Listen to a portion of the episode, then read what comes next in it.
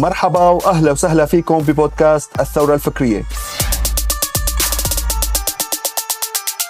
الثورة الفكرية عبارة عن بودكاست تعليمي يهدف إلى تثقيف وتطوير الفكر العربي بعيدا عن التطرق للجوانب السياسية أو الدينية.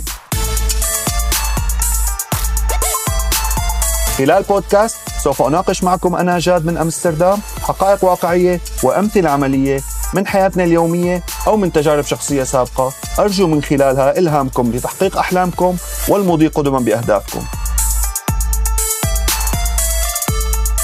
هدفي الأساسي هو النهوض بالفكر الإنساني وتعزيز الثقة بالنفس والرضا الذاتي للفرد ومن ثم تطوير واقع الإنسان العربي الحالي لبناء غد أفضل واعد ومميز للجميع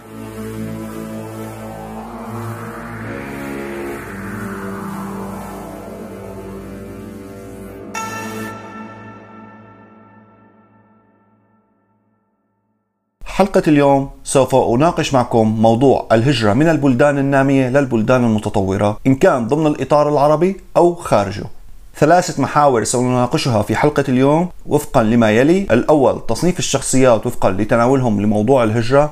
الثاني الهجرة والصدمة الثقافية من منظور علمي. والثالث بعض الحلول لتقليص النتائج السلبية للهجرة. بالنسبة للنقطة الأولى تصنيف الشخصيات ضمن نطاق الهجرة من خلال خبرتي الشخصية ومن خلال النماذج اللي عم نشوفها مواقع التواصل الاجتماعي ال social media أو من خلال النموذج السوري الذي شكل أكبر أزمة نزوح منذ تاريخ الحرب العالمية الثانية لليوم.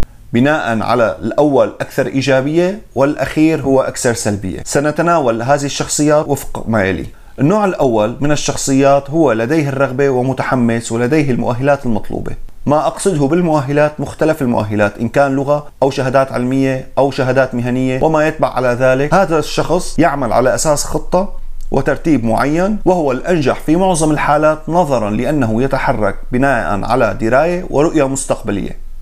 معظم هؤلاء الأشخاص يعودون للوطن الأم في الحالات الطبيعية نظرا لكونهم اكتسبوا مهارات ومعرفة تميزهم عن الجميع وتمكنهم من تبوء مراكز قيادية والنجاح في أي بيئة كانت إن كان بالوطن الأم أو خارجه. النوع الثاني أشخاص لديها الرغبة ومتحمسة ولكن لا تمتلك المؤهلات المطلوبة. هذا النوع من الأشخاص لا توجد لديه خطة ولكن مستعد لاتخاذ قرار السفر خلال مدة مقدارها لا تزيد عن خمس ثواني.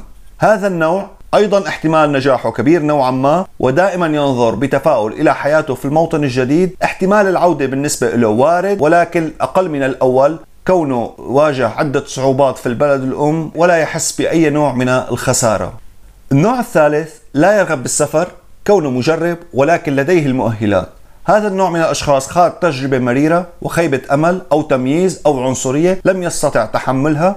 وقرر العودة والبناء في الوطن الأم متحمل جميع المصاعب غالبا ما يقوم بتوعية الشباب من الحماس الزائد. هذا النوع دائما يفضل البقاء في البلد الأم مهما كانت الظروف أو النتائج نظرا للآثار السلبية لتجربته والتي لا يرغب بتكرارها مرة أخرى.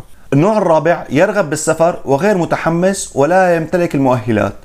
هذا الشخص ينتظر دائما طريقة سهلة وآمنة ومضمونة فقط للتجريب وليس مستعد للتضحية بأي شيء. يحاول الحصول على كل شيء في آن واحد وغالبا ما يخسر. هذا النوع من الأشخاص معظم الأحيان يشعر في الندم بعد سفره ويحن كثيرا للوطن الأم.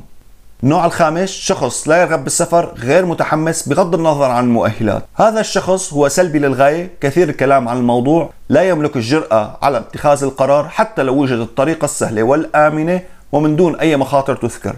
هذا النوع من الأشخاص غالبا ما يبقى في البلد الأم. بالإضافة لأنه لديه الكثير ليخسره كون الفرصة البديلة أكبر من أن يتحملها وليس مستعد بالتالي للتضحية بأي شيء في حال قرر السفر. تعقيب بسيط على هذا التصنيف. أنه تم وفق سلوكيات البشر بغض النظر عن ظروف كل شخص على حدة.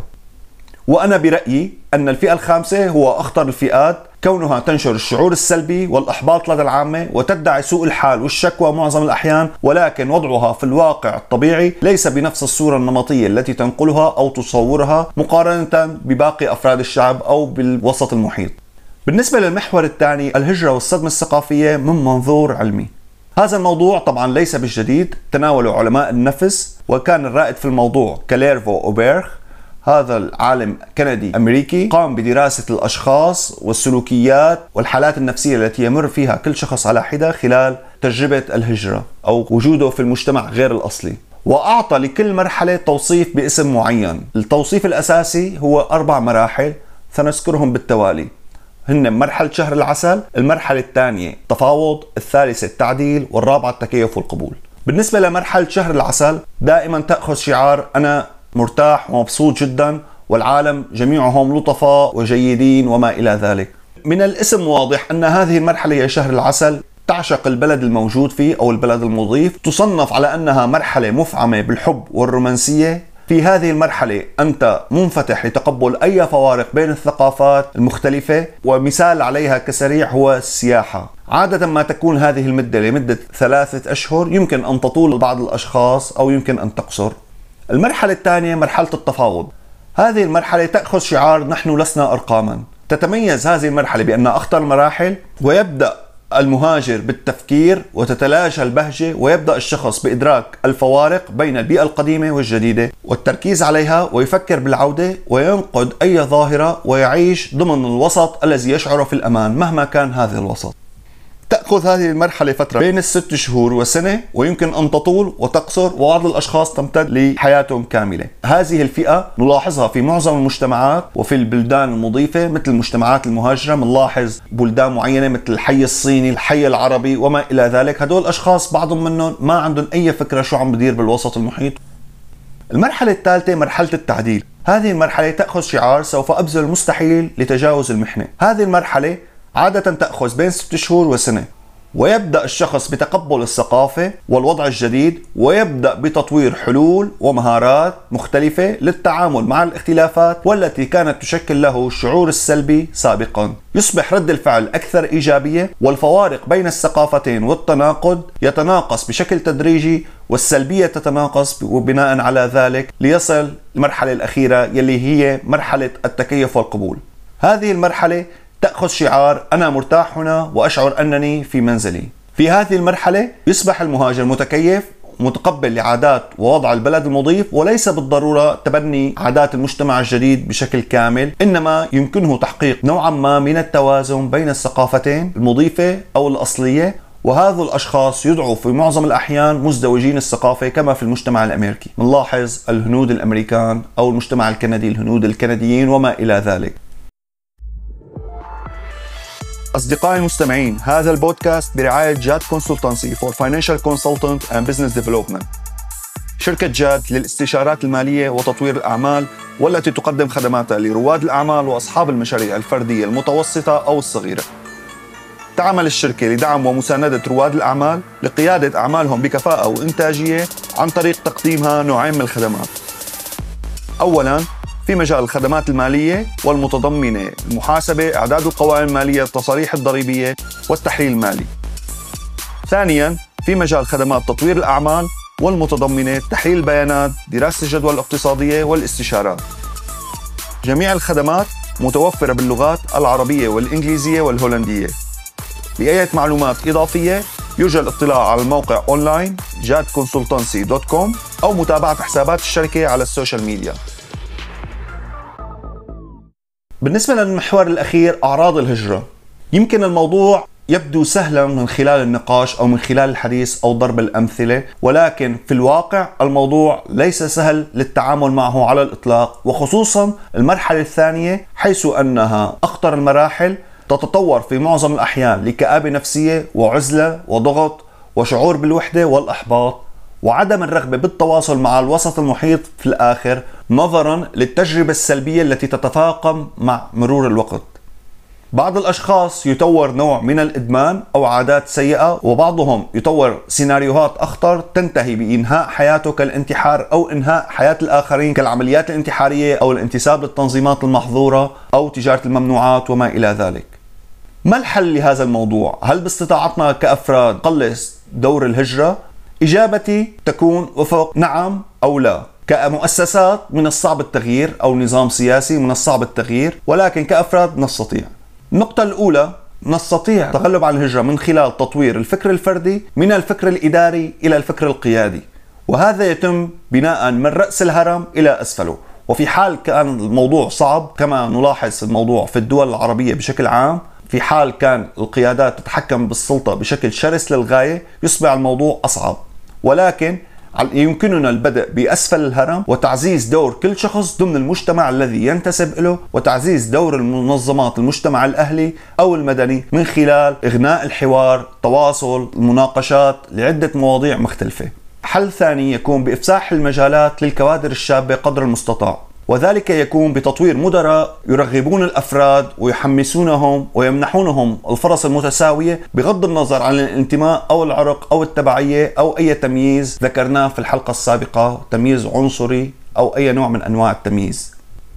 الحل الثالث يكون بتطوير القوانين لضمان بقائهم وعدم مغادرتهم، مثلا يقوم بتعزيز دور الشخص في المجتمع اعطائه حقوقه المتساوية والحد من القوانين التي تشجع سفر الشباب كالخدمة الإلزامية. في اريتريا آه، شاهدت بكثرة في هولندا المهاجرين الاريتريين إن كان الشباب أو الصبايا لديهم الخدمة الإلزامية من سن ال 17 ومع الأسف تستنزف البلد بشكل سنوي آلاف من الشباب لعدم رغبتهم بالخدمة الإلزامية ولعدم وجود فرص في بلدهم ويأتون إلى أوروبا من دون هدف من دون طموح من دون أي وعي لمستقبلهم. في حالة شخصية حابب شاركها أيضا في هذه الحلقة. كان لدي دكتور في الجامعة التي كنت أدرس فيها. كان لدي رغبة في السفر رغبة كبيرة في السفر إلى حد ما. وسألني وقتها الدكتور لماذا ترغب بالسفر؟ كان لدي خطة طبعا وتناقشت معه. قال لي هذا الشيء جميل جدا وأنا في حال وجدت أي مساعدة أنا جاهز. كان في أمريكا وعرض علي المساعدة ولكن أعطاني نصيحة. قال لي في حال الجميع قرر يسافر لا نستفيد شيء. لازم دائما بفكر طريقة تنمي المهارات في البلد أو تحاول تعطي للمجتمع اللي أنت فيه. بالنهاية نبقى على أمل واقع عربي أفضل يكسر الحدود يسمح للخبرات والكوادر الشابة بالتقدم والتميز والنجاح في موطنهم الأصلي. هذا الشيء بالتالي يساعد بتنمية المجتمعات العربية بدلا من استنزاف الخبرات والموارد البشرية من دون استثمار ناجح ولأن معظم حالات الهجرة تنتهي مع الأسف بخروج من دون عودة. كانت هذه حلقتنا لليوم. بتشكركم على الوقت اللي قضيتوه برفقتي لسماعها وأتمنى أن تكون نالت استحسانكم وتقديركم. في حال أعجبتكم رسالة اليوم لا تنسوا مشاركتها والتعليق ب review للبودكاست على ال iTunes كون تفاعلكم معي يحفزني للاستمرار بتقديم حلقات ذو رسالة هادفة ومضمون مفيد. يمكنكم أيضا الاشتراك بالقناة في حال رغبتم متابعة أي حلقات جديدة. في حال أعجبتكم فكرة البودكاست ورغبتم أن تكونوا جزء من بودكاست الثورة الفكرية وتكونوا على تواصل معي شخصيا تابعوا جديدنا على الإنستغرام وتويتر وانضموا معنا ل group الثورة الفكرية على الفيسبوك حيث أن عن طريق صفحة ال group بالفيسبوك يمكنكم تحميل ملف الملاحظات الخاص بكل episode على حدة. إلى لقائنا جديد مع رسالة جديدة وفكرة جديدة أتمنى لكم دوام الصحة والعافية.